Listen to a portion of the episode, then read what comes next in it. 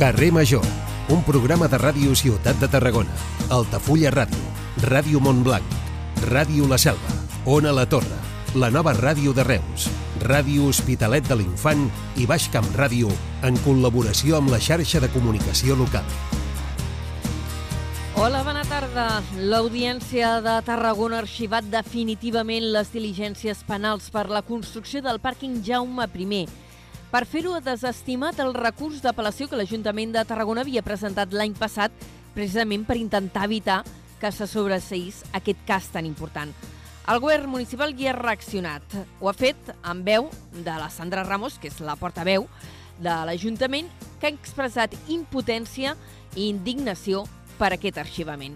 D'aquesta manera es tanquen 15 anys d'investigació per aquesta obra que havia de costar 3 milions d'euros, n'ha costat més de 40, té l'Ajuntament hipotecat i ha acabat en no res. De fet, el pàrquing de Jaume I continua sent una ferida al cor de la Peralta de Tarragona.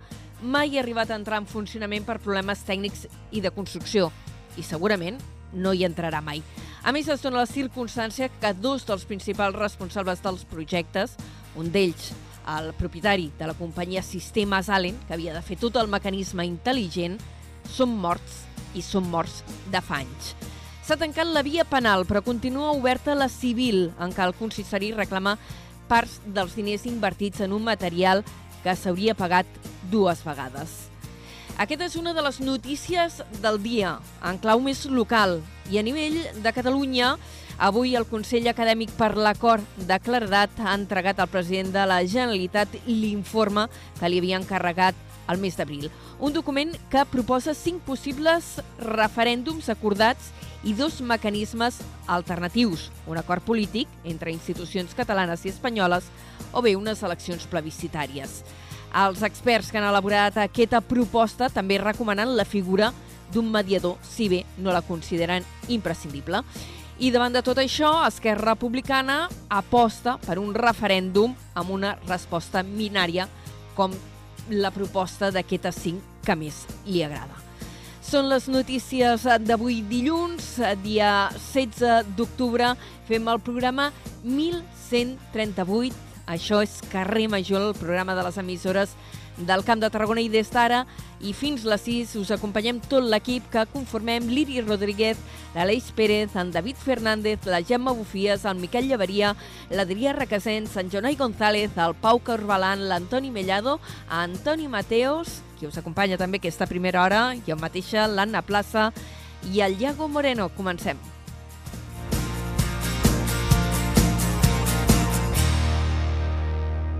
Carrer Major, Anna Plaza i Jonai González.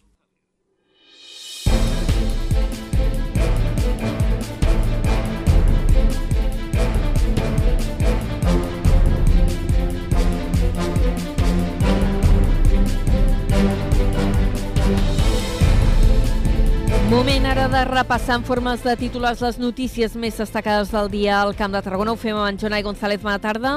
Molt bona tarda. L'Audiència de Tarragona ha arxivat definitivament les diligències penals per la construcció del pàrquing Jaume I. El govern municipal ja ha reaccionat. La portaveu Sandra Ramos ha expressat impotència i indignació per l'arxivament. La Policia Nacional ha desarticulat una organització criminal a Tarragona que es dedicava a traslladar migrants a l'interior de camions. En total han estat arrestades 11 persones i el principal responsable de la xarxa ja ha ingressat a la presó. Els Mossos van detenir eh, també, d'altra banda, eh, els Mossos van detenir aquest diumenge un home com un presumpte autor de la mort violenta d'un altre a Reus. D'altra banda, el jutge ha decidit enviar a presó a quatre dels sis detinguts la setmana passada pel tiroteig mortal al barri de Campclar de Tarragona. Els bombers han rebut eh, 82 incidències relacionades amb la pluja a les comarques del Camp de Tarragona. On s'han registrat més problemes és a Calafell, on des d'ahir a la nit han caigut més de 115 litres. Els allotjaments a la Costa Daurada i comarques com la Terra Alta i el Priorat assoleixen ocupacions fins al 90% pel pont.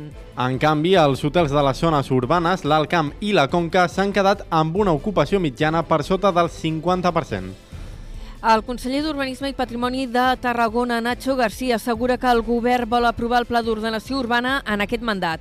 En una entrevista a Ràdio Ciutat ha dit que ho veu factible i que el tràmit hauria de ser relativament ràpid. I més eh, qüestions repercutint també la eh, protesta d'un grup de veïns del barri del Port de Tarragona que s'han manifestat per l'ampliació de les places de zona verda. Els ciutadans asseguren que l'Ajuntament els ha amagat el canvi que han fet sense avisar i que la mesura també perjudicarà comerciants. I en esports, el Nàstic de Tarragona encaixa la primera derrota de la temporada a Fuentlabrada. I en hoquei, el Reus Deportiu Virgínies es va imposar per 5 a 3 al Voltregà en un partit atípic. I en cultura parlarem eh, de, del festival COS i també dels èxits assolits per la colla jove de Tarragona a la Diada de Santa Teresa del Vendrell. I dit això, eh, Jonai, d'aquí mitja hora tornem a parlar. Fins d'aquí una estoneta.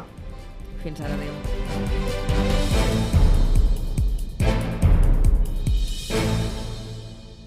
Carrer Major, Aleix Pérez.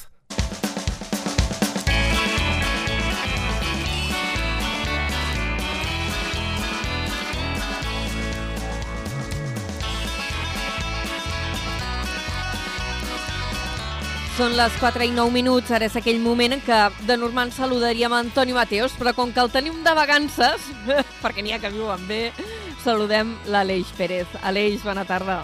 Molt bona tarda, Anna. I tant, si viu bé, i tant, si viu Home, bé. jo de gran, Ai. sempre ho dic, de gran vull ser el Mateos. Sí, sí.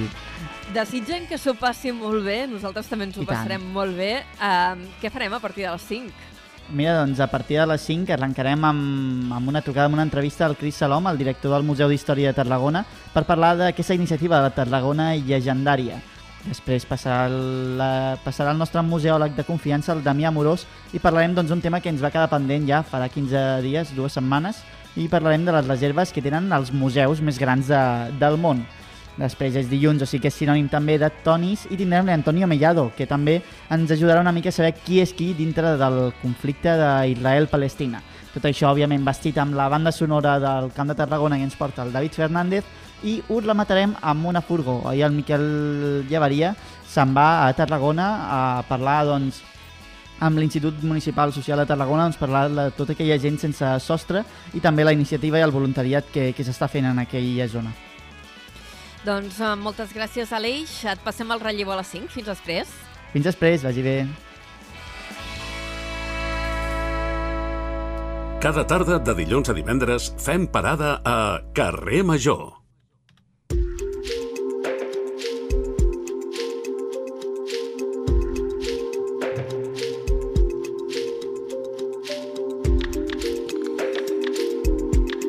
Quatre i 11 minuts i és el moment de donar la benvinguda a la nostra convidada d'avui. Avui conversarem amb una periodista i parlarem de crònica negra i de tràfic de drogues.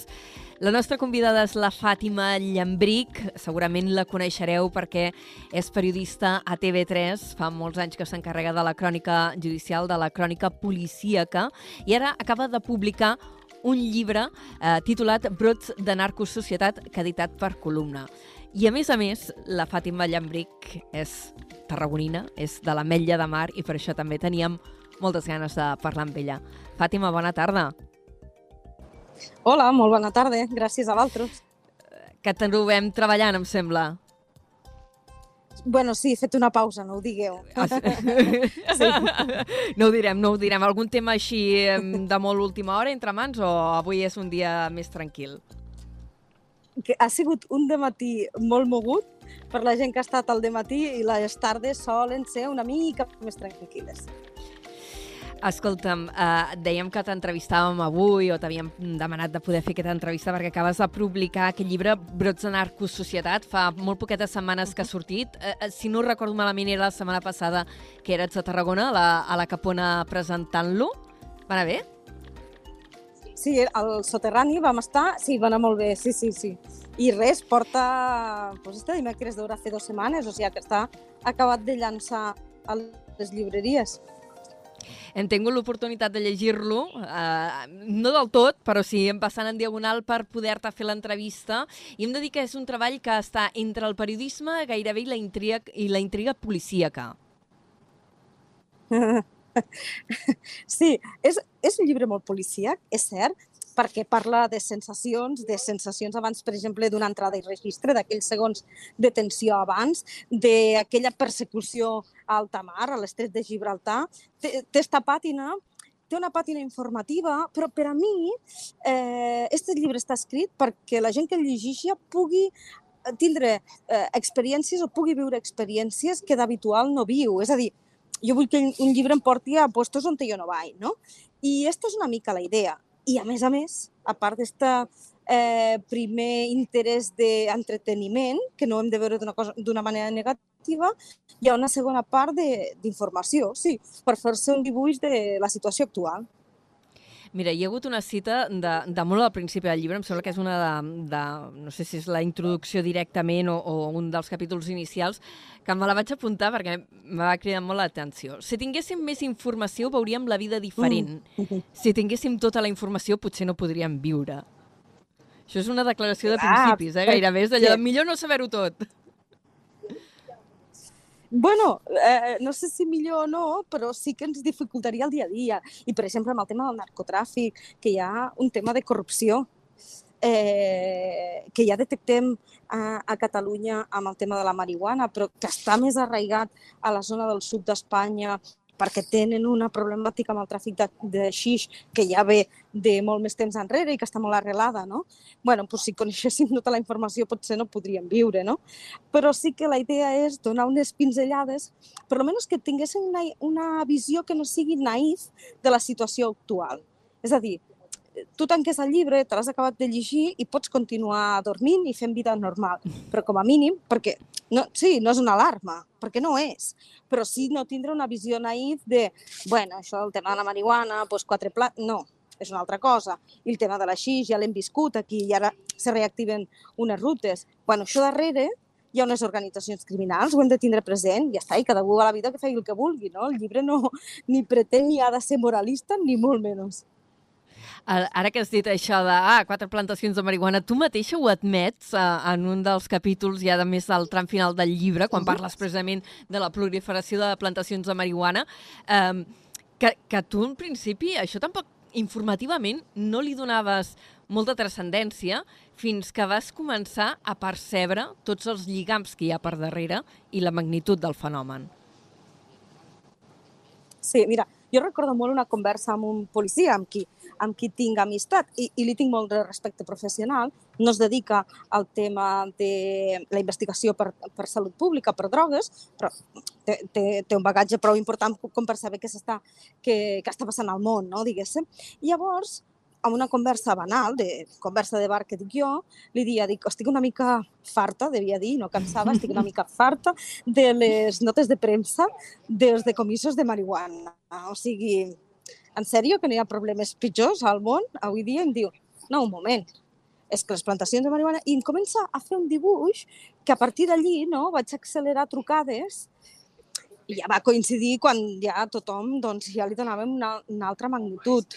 També els cossos policials també van fer el pas de realment plantejar que hi havia de rerefons detrás d'aquest problema, no? o de, detrás de les investigacions. Hi ha moltes coses que les escrius en primera persona, Fàtima. Um, de, des de la participació o la, o la possibilitat de participar en persecucions de narcollanxes oh. amb, amb el teu company de TV3, amb en Guillem, et oh. fa de càmera, a entrades... Uh, això entenc que també requereix molta confiança amb els cossos policials perquè t'obrin les portes a poder ser testimoni d'actuacions així bueno, també ja fa molts anys que, que fem esta feina, vull dir que si ja no haguéssim agafat la confiança per fer-ho, ja, no, ja, ja crec que ja no l'agafarem mai de la vida. No, però hi ha institucions eh... que són molt reservades, eh? això també... Ja, sí. Eh, sí, i aquesta és la gràcia, és a dir, el llibre no és un llibre acadèmic i no és un assaig i, i, i no pretenia ser-ho. No? Jo crec que la gràcia està amb això, en que tu tinguis una part de vivència, perquè puguis veure també com, com elaborem la informació i perquè puguis posar-te més dins de la situació, és a dir, que tu realment estiguis a l'estret, de nit, amb unes condicions eh, determinades, fent aquesta persecució perquè si no, no, no acabes d'entrar amb el contingut. No? Jo crec que aquesta és la manera que et porta a entrar amb el contingut o abans d'una entrada i registre. Fins i tot un llibre et permet, jo per exemple he anat a buscar doncs, eh, sumaris judicials per veure aquells intríngulis que en una notícia no donem. I no donem perquè no hi tenen cabuda, eh? no, no perquè no ho volguéssim donar. Però que un llibre sí que et permet, perquè és un altre tipus de relat, no? I per mi té més un component de, de donar petits detalls, no? Bueno, això és el que fa el clic diferent, no? I que jo també m'ho hagi passat més bé escrivint-ho. I històries personals també, perquè tens eh, un testimoni, eh, o potencial testimoni, que això se sap al final si li treus informació o no, que és el Mario, que el presentes al principi del llibre, però al llarg de, del teu treball van apareixent altres personatges, amb nom, alguns amb noms i cognoms, que formen part de tot aquest AMPA de, del narcotràfic. Aquesta eh, personificació també li dona ganxo al llibre. Bueno, i potser explica per què he acabat fent un llibre. És a dir, se, mira, sense el Mario, sense el noi que es dedica a produir marihuana, que es dedica a produir marihuana i que es guanya la vida amb això, eh, i que se la guanya molt bé. I sense una conversa que vaig sentir de manera fortuïta al camp de Gibraltar entre un advocat i un client, per mi la importància d'això és que mai els advocats t'expliquen les converses que tenen amb els clients, llavors jo estava en una taula del costat i ho vaig sentir de manera fortuita. Estos tres elements, per mi, fan els que crec que val la pena que acabi sent un llibre. Sense desmereixer tota l'altra informació que és més oficial, de jutjats, d'advocats, de, de, de policies, no? Però este contrapunt jo crec que li dona esta riquesa al llibre perquè tu acabis veient i entenent totes les parts. Mira, t'he de dir que aquesta conversa eh, que, que ara citaves eh, és un capítol que em va semblar delirant, no? perquè tu l'escoltes mm, bueno, sí. allò de pura casualitat i, a més, mm, la, la, la conversa entre l'advocat i el client era el client que tampoc s'enterava molt de què anava la pel·lícula, perquè l'advocat li anava dient no, però a veure, quants telèfons tenies, eh, com ho justifiquem davant de la policia, i l'altre, com que no li donava cap mena d'importància, i jo m'estava imaginant l'advocat suant tinta, allò de, a veure com justifiquem aquests canvis de línies que anaves fent. No? és que era com, era, era com divertit, el que passa que jo no tenia temps de divertir-me perquè no tinc molt bona memòria i llavors ho estava apuntant tot. Jo quan estic treballant sempre veiem llibreta i boli.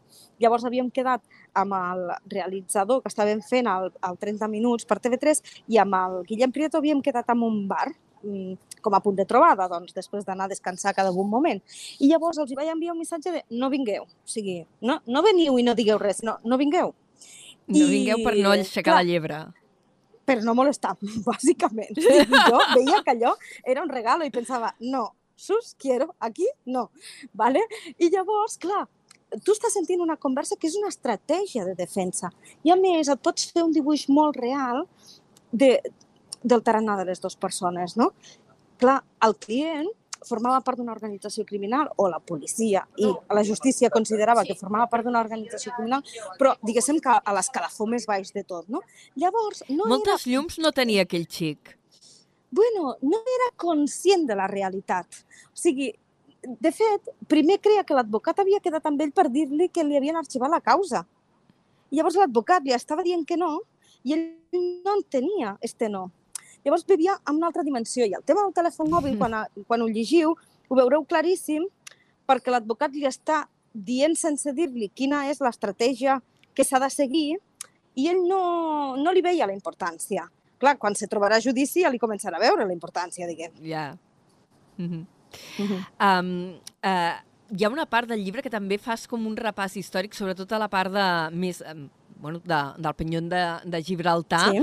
eh, i de tota la situació que es viu al Jazires, com que ha sigut sempre una terra de contraband, no? Vens a dir que hi ha territoris que estan marcats per les seves característiques, fins i tot geogràfiques, i això determina el tarannà del que hi passa.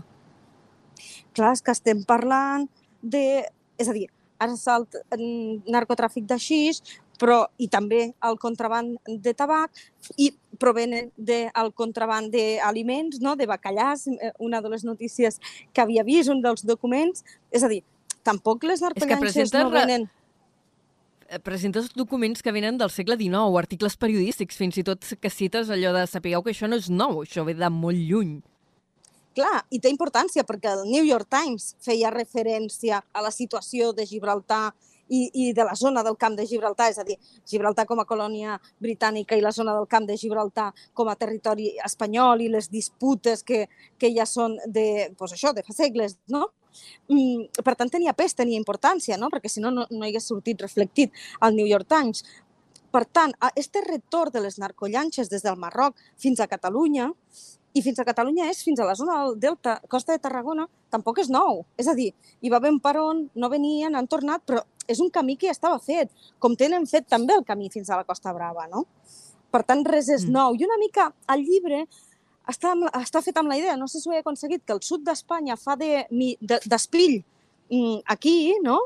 I les històries del passat, els documents del passat mm, vinculats aquí a Catalunya, també ens poden fer una mica d'espill. És a dir, pescadors vinculats de la zona de Tarragona, vinculats amb tema de narcotràfic, doncs això ho tenim de finals dels anys 90, iat, iots, eh, bueno, res és nou, llavors simplement se perfecciona.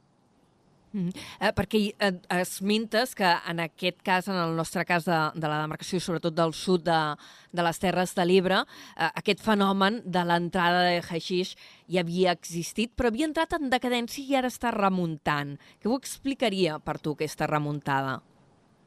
Mira, eh, Guàrdia Civil té a la zona del sud d'Espanya el CRAIN, que és el centre d'intel·ligència vinculada a temes de narcotràfic. No? La primera lectura que em van fer és estem fent, eh, estem fent pressió policial al sud, doncs s'estan desplaçant com en el seu moment també se'ls desplaça, això passa amb tota la delinqüència, no? la criminologia ho té estudiat, el desplaçament de la delinqüència. Si tu poses molta pressió policial en un punt determinat, mm, és probable que no eliminis el delicte, sinó que el desplaces. No? Amb ells els hi passa, quan estan molt concentrats a la zona de l'estret de Gibraltar, se'ls va cap al delta del Guadalquivir i la zona de Huelva. Bueno, i creien, pues està passant això. Però de seguida van veure, per estadística, que més o menys els decomissos que estaven fent a la zona sud, decomissos i informació que tenien d'altres narcollanxes o, o haixís que els hi entrava i que no havien pogut decomissar, que era el mateix.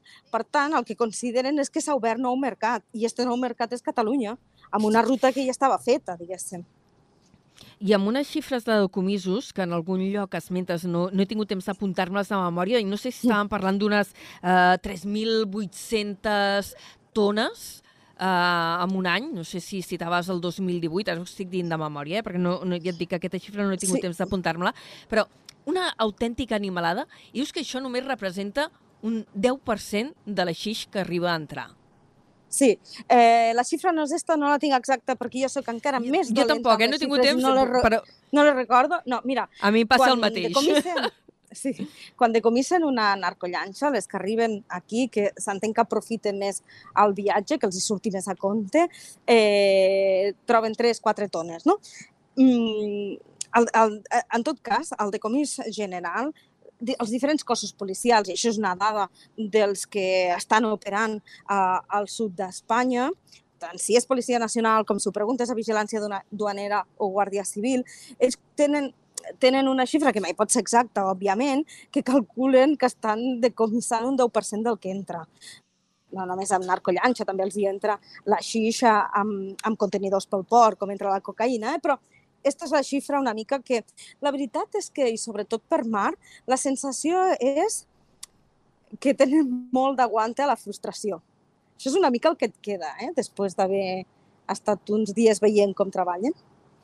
A, a la frustració qui? Els policies o, sí. o els que intenten introduir sí, sí, sí. els policies? No, no, els, sí, totalment. Perquè saben que no o sigui... poden arribar a tot bueno, un, que no poden arribar tot, dos, que òbviament tu tens que ser garantista amb la vida de les altres persones, és a dir, tu per mar no pots tirar, tirar pel recte passi el que passi, sinó que has de garantir que el resultat del teu, de la teva operació policial no acaba amb la vida de les altres persones, òbviament, i per tant això té unes dificultats de tal d'aconseguir un, per tal d'aconseguir un èxit, i després hi ha una altra cosa, que és el tema de la corrupció policial, que sempre tens que estar amb l'AICI, la persona que tens al costat, eh, s'acaba corrompent o no. I treballar així no deu ser fàcil. Amb molta pressió, també. Bueno, pressió ja, ja... i la sensació d'inseguretat, saps? De, jo estic facilitant tota una informació, estic fent una feina i no sé si aquesta informació queda només per interès de la justícia i de la policia o si l'estic venent a, a, a qui no toca, saps? Perquè la corrupció policial allà doncs, eh, és un, un mini degoteig, no és eh, ocasional. Per cert, Fàtima, que en aquest llibre eh, hi ha un capítol que es diu Sense cadàver que m'ha fet pensar en un treball anterior teu en què havies, uh -huh, que va ser la primera, el primer llibre que vas publicar eh, sobre el crim mm, en què va ser condemnat Ramon Lasso per un cadàver que no va aparèixer uh -huh. mai. No sé si és un petit homenatge que has volgut sí, bueno, fer o castellà... no té res a veure. En, en castellà diuen un guinyo, no? Ha sigut un guinyo, sí que és cert, perquè un dels capítols parla precisament d'això, d'una investigació sobre homicidi de Mossos d'Esquadra en aquest cas, eh, vinculat al tema del tràfic de marihuana. També per explicar aquesta dimensió, com també n'hi ha una altra d'un segrest, no? El tràfic de marihuana ara aquí també comporta homicidis i homicidis amb la peculiaritat de que no hi ha el cadàver també, i tam que no hi ha que l'han amagat, i també tema de segrestos, que són delictes no són delictes banals, són, són delictes importants i sofisticats, diguéssim. Fàtima, ens ha encantat tenir-te avui al programa, poder-te entrevistar per aquest llibre que acabes de, de publicar, dels brots de narcosocietat. Xerraríem molta més estona, però com que se'ns tira el temps a sobre, ho haurem doncs de. Doncs seguim en directe a carrer Major, ara, per dedicar l'espai. Moltes gràcies per haver-nos acompanyat. A Fins vosaltres, després. Adéu. Adéu. Adéu. Adéu. Programa del Camp de Tarragona.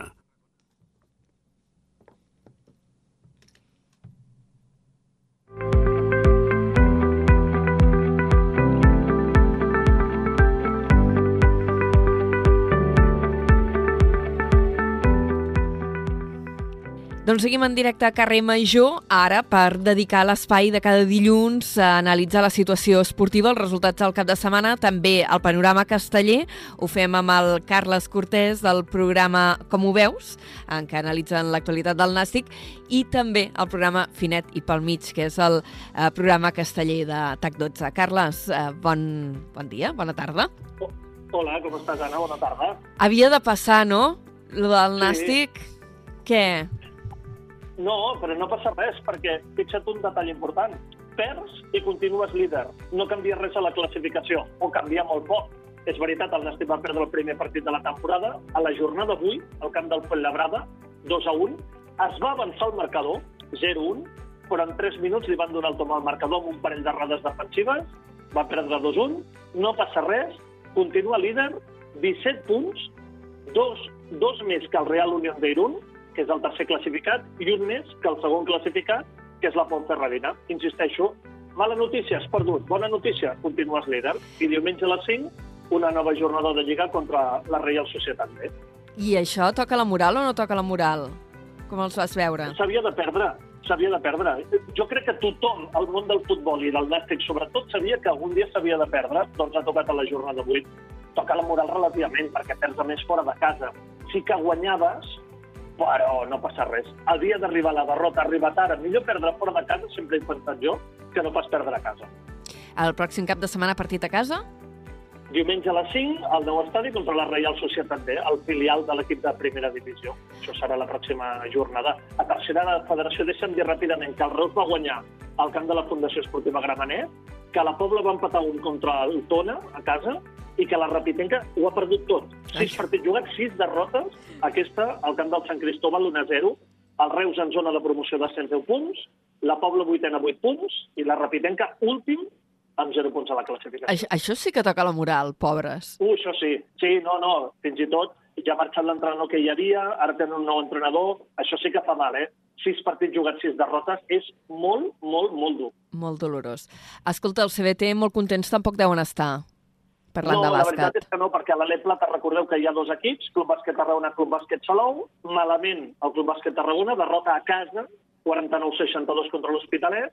La bona notícia és el Salou, que va guanyar d'un punt a la pista del Mataró a l'últim segon gairebé amb un triple. O sigui, és aquelles maneres que et puja la confiança guanyant així d'un punt amb un triple a l'últim segon. Per tant, Això... a la classificació És una... Una victòria, una derrota, Club Bàsquet Tarragona, zero victòries, dues derrotes. Això és d'infart, no? Últim Sí, minut, sí, amb un triple. Jo, a veure, és, això que no et passi tots els partits, de tant en tant que et passi, home, sempre fa gràcia i agrada guanyar així. Home, el que guanya sí, el que perd es deu estirar dels cabells, també t'ho he de dir. E- Efectivament, i més quan jugues a casa, perquè el Saló va guanyar d'aquest punt a Mataró, a la pista del Mataró, per tant, sí, sí, això és veritat. I la bona notícia també a la EVA, que és una categoria sota la plata, on estan Salou i Club Bàsquet Tarragona, és que el Valls continua guanyant tres jornades, tres victòries, aquest cap de setmana fora de casa, a Saragossa, 86 a 91, per tant, líder eh, el Club Bàsquet Valls, co-líder, perquè hi ha diferents equips que han guanyat tres partits i no n'han perdut cap. I els que han tingut bons resultats també són els equips de hoquei, de hoquei anava a dir hoquei, d'hoquei de casa nostra. Efectivament, l'hoquei i el voleibol, tot victòries. Atenció a l'hoquei Lliga. Quin festival! Sí, sí, no, no, per això vull remarcar, perquè ja que guanyen, escolta, diem-ho tot. El Reus va guanyar 5 a 3 al Voltregà, va jugar el Vendrell aquest partit perquè estan fent obres al Palau d'Esports i va jugar el Vendrell aquest partit. Reus 5, Voltregà 3, i el Calafell va guanyar a la pista d'Alcaldes, 3 o 5. El mateix resultat, però invertit.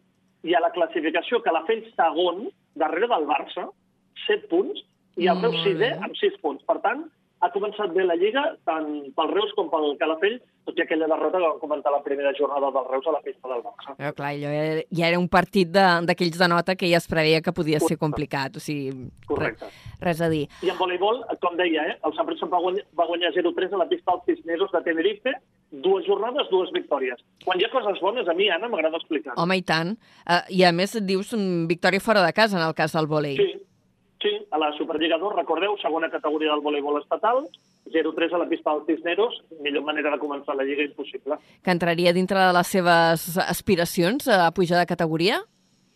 sempre està allà. El vòlei sempre Sant Pau, no sé com s'ho fa, però sempre està allà. Sempre juga a fases d'ascens, però eh, sempre hi ha un problema aquí, els diners. Val molts diners jugar a la màxima categoria, tu pots aspirar a pujar, però quan arriba el moment de posar els diners damunt la taula és quan hi ha moltes vegades problemes. És un dels aspirants a lluitar per l'ascens de categoria, el vòlei sempre sí, sí. Ara m'has fet pensar en aquella frase famosa de Jerry Maguire, de la pel·lícula de Show Me the Money. Ensenya'm els diners, no? Aniré per aquí la cosa. Sí, té un punt d'això. Això passa molt al vòlei, al bàsquet, en, en aquests esports que no són tan professionals, passa molt, perquè hi ha moltes penúries dels clubs per intentar aconseguir els diners per poder confeccionar plantilles, pels desplaçaments, per tot això, que fa que els pressupostos pugin molts diners. Escolta, Carles, i ja dèiem que més de parlar de- d'esport, de, de fer aquest repàs als resultats al cap de setmana, també ens agrada parlar de castells. Eh, estem ja a la recta final de temporada, aquest cap de setmana diada important eh, que ha sigut la de Santa Teresa al Vendrell, i amb la jove de Tarragona que estan eufòrics. Doncs sí, perquè era la seva última gran diada. Els hi queda una, dissabte vinent, però és una mica la diada de la colla, on no provaran castells tan importants. Era la última gran diada de la temporada i ho van fer tot allò que tenien previst i els grans objectius de la temporada. 5 de nou en folre, de sortida, el van tornar a descarregar 4 anys després. Aquest és el gana extra, que és el seu castell bandera. Descarregat d'inici, treballadíssim, però descarregat segona ronda, dos de nou en Forra i Manilles. Enguany ja l'havien fet, però tenien ganes de juntar-lo amb el 5 de nou. I també descarregat. De factura excel·lent, brillant. I a la tercera ronda van fer el 4 de nou en Forra per tancar amb el Pilar de 6. Millor actuació de la jove de Tarragona de la represa. La represa del món casteller es considera que va començar el setembre del 2021. Millor actuació de la represa extraordinària la colla jove de Tarragona ahir al Vendrell. Sí, sí. I teníem la, els ballencs que es preparaven també ja de, pensant en Sarta Úrsula. Que, com, com va acabar aquesta, aquesta diada de, del Vendrell? Doncs sí, mira, les joves de Valls és veritat que el ha posat el diumenge vinent, gran duel de les colles de Valls, dels xiquets de Valls, a Santa Úrsula, a la plaça del Blat.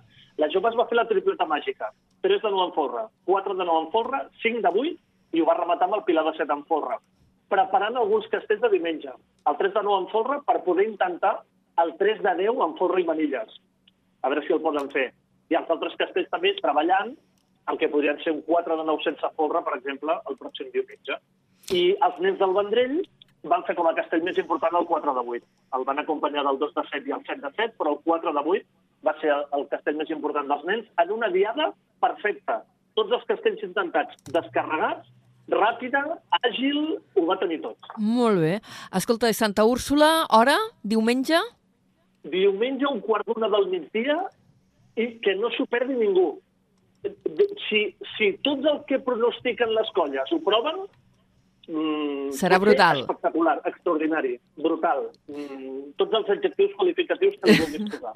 doncs esperem que sigui tan espectacular que tu ho vegis i que dilluns que vens ho expliquis. Carles, moltes gràcies. Moltes gràcies. Fins ara. Adéu. Estàs escoltant Carrer Major.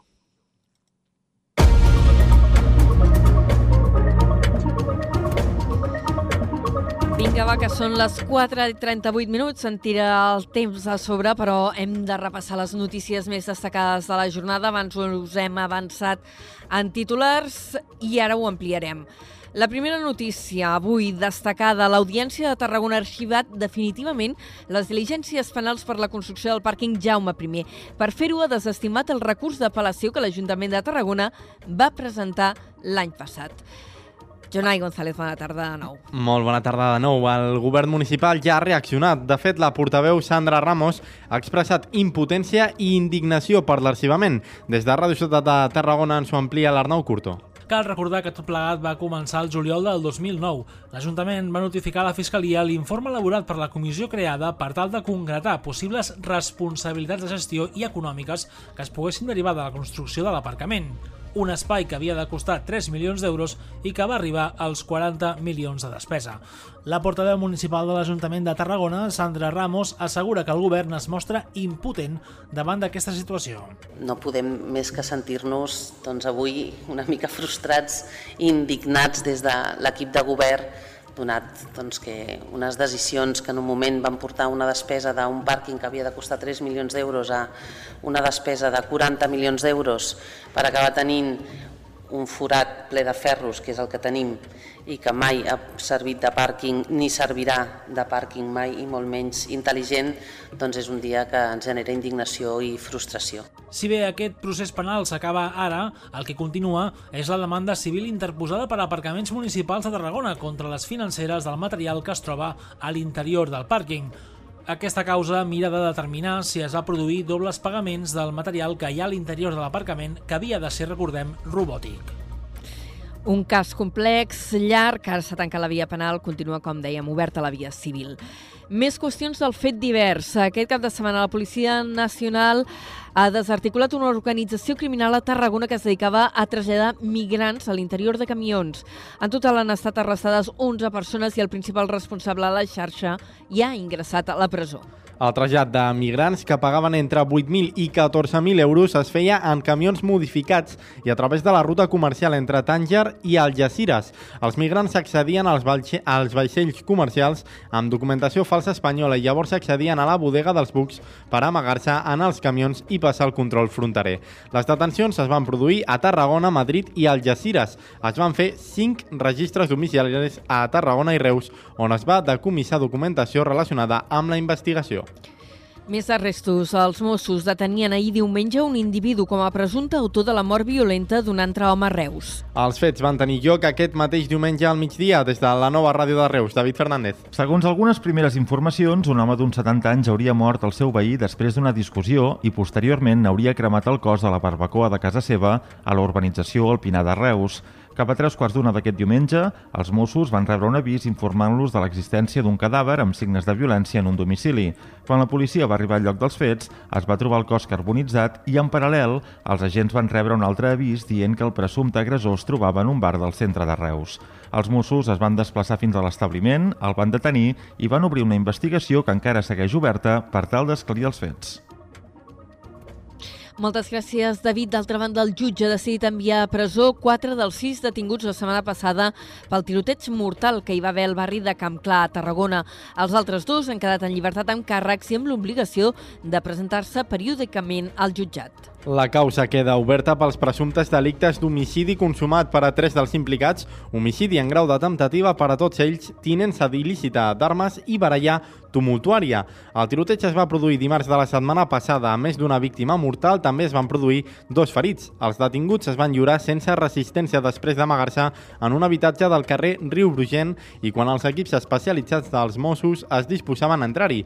En el dispositiu policial també es van localitzar dues armes de foc.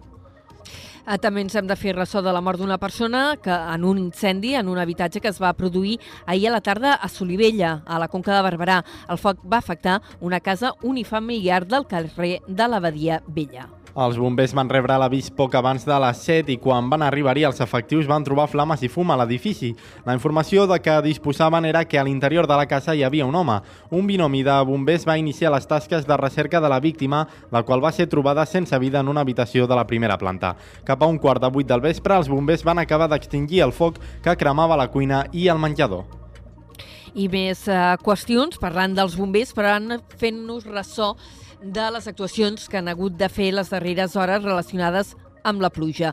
En el cas de les comarques del Camp de Tarragona han hagut d'atendre unes 82 incidències, segons el darrer balanç que s'ha fet públic a les 11 del matí.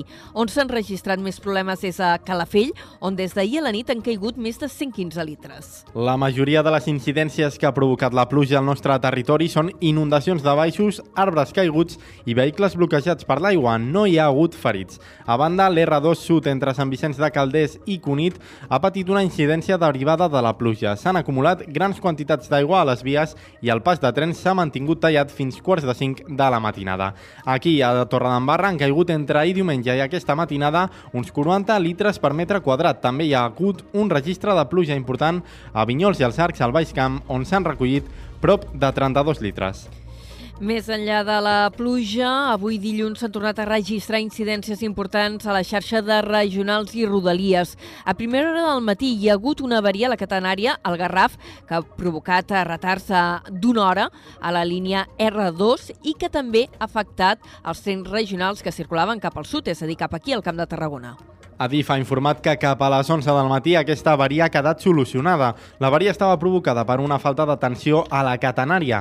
Els, tres, els trens s'han vist obligats a circular per via única entre Castelldefels i Vilanova mentre no s'ha resolt la incidència. Aquest matí s'han registrat dues avaries més que han complicat la circulació de trens a Llagostera i entre l'Hospitalet i Sants.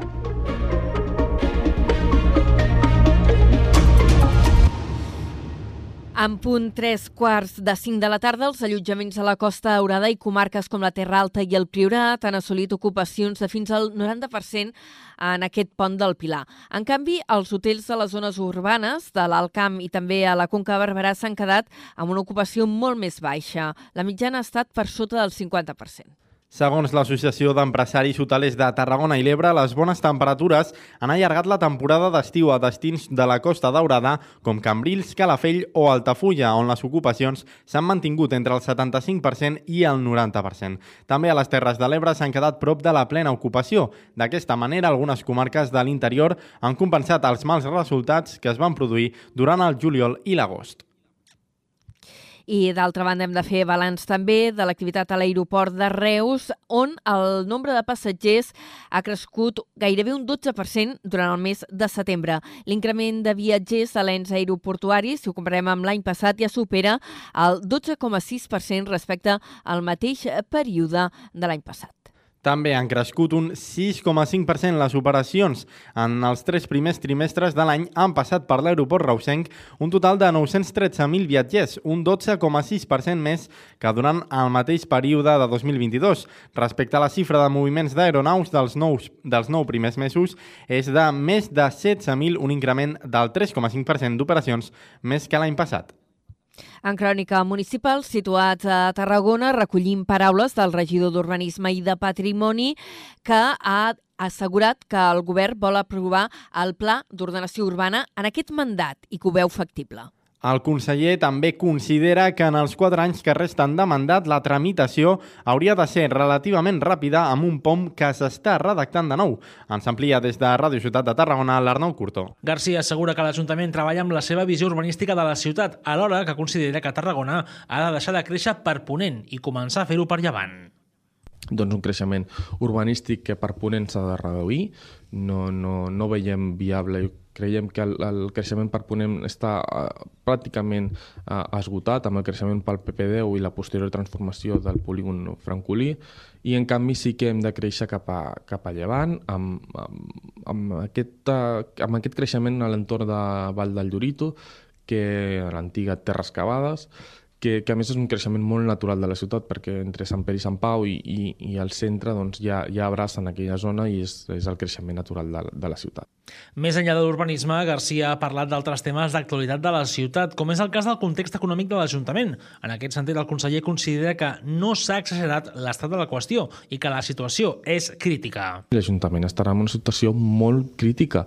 Jo crec que no s'ha exagerat. El que fins ara hem vist, segurament, eh, són eufemismes i no s'explicava la realitat i la realitat és que l'Ajuntament, doncs, per falta d'ingressos o per, per un augment de les despeses provocades per qüestions externes a l'Ajuntament, com és aquesta, doncs, la guerra d'Ucraïna, la inflació, etc., doncs ens posen en una situació molt crítica i la ciutadania ha de saber quina és la situació del seu Ajuntament. I això és el que vam fer des del primer moment, explicar a la gent, escoltin, la situació és molt difícil i requereix un esforç comú tant intern com extern.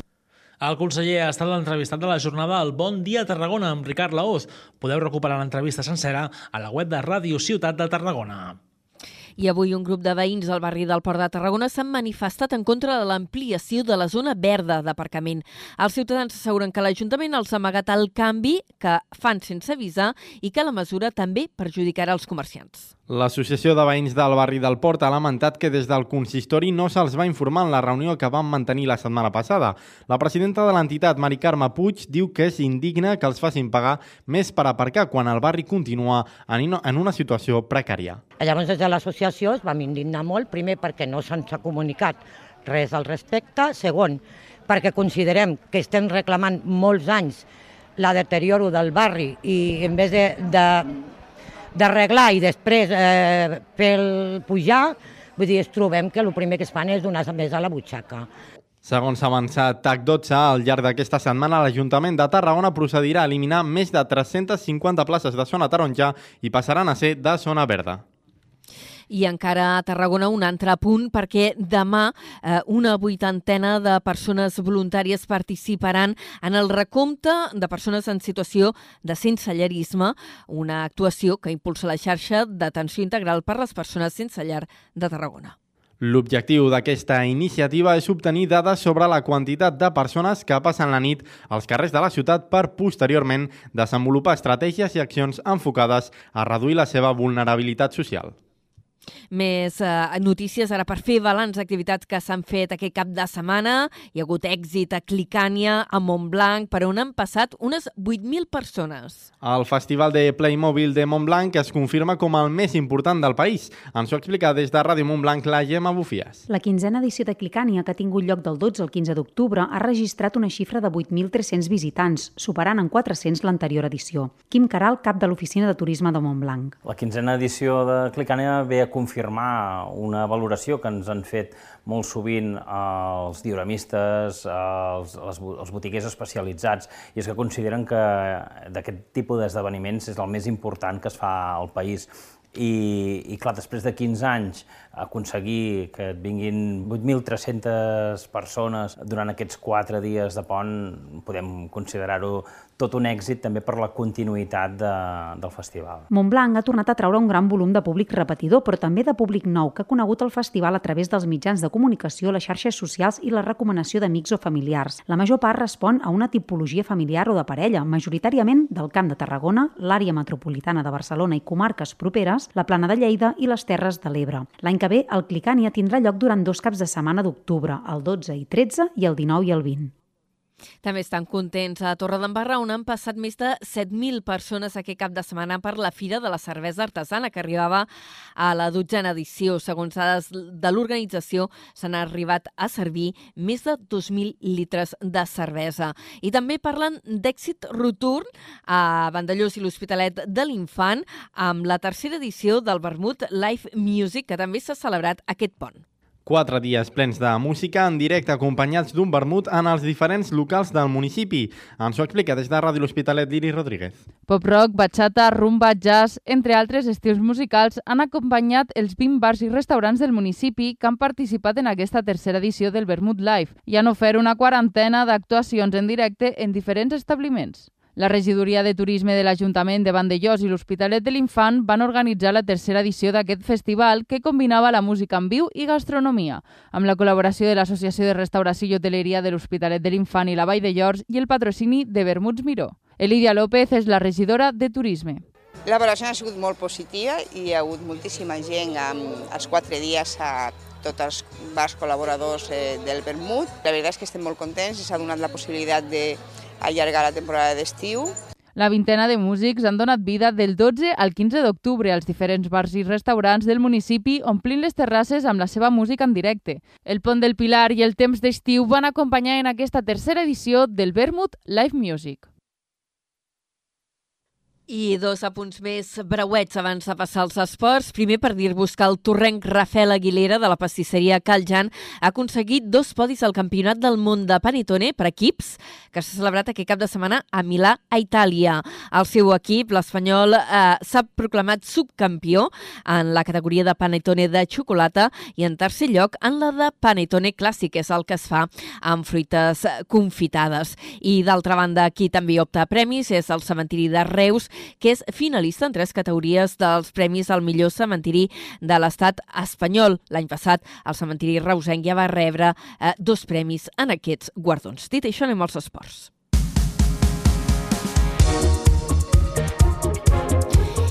I per primer lloc a parlar del Nàstic de Tarragona que ha encaixat la primera derrota de la temporada a Fuentlabrada.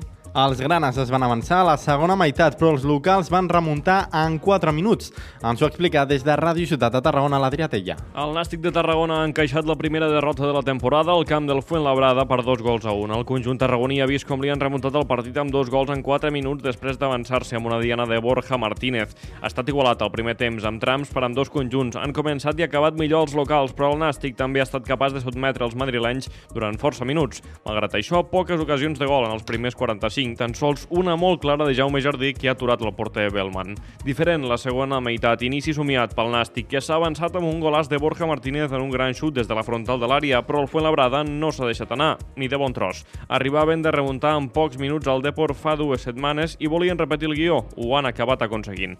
Els madrilenys han enfonsat el Nàstic a la seva àrea i han acabat trobant premi en dues accions de centrada a l'àrea. La primera, en un córner, que ha acabat enviant al fons de la xarxa Fer Ruiz. El segon ha arribat en menys de 5 minuts, amb una centrada des del vèrtex tret de l'àrea defensada per Baro i una gran rematada de cap del mateix Fer Ruiz.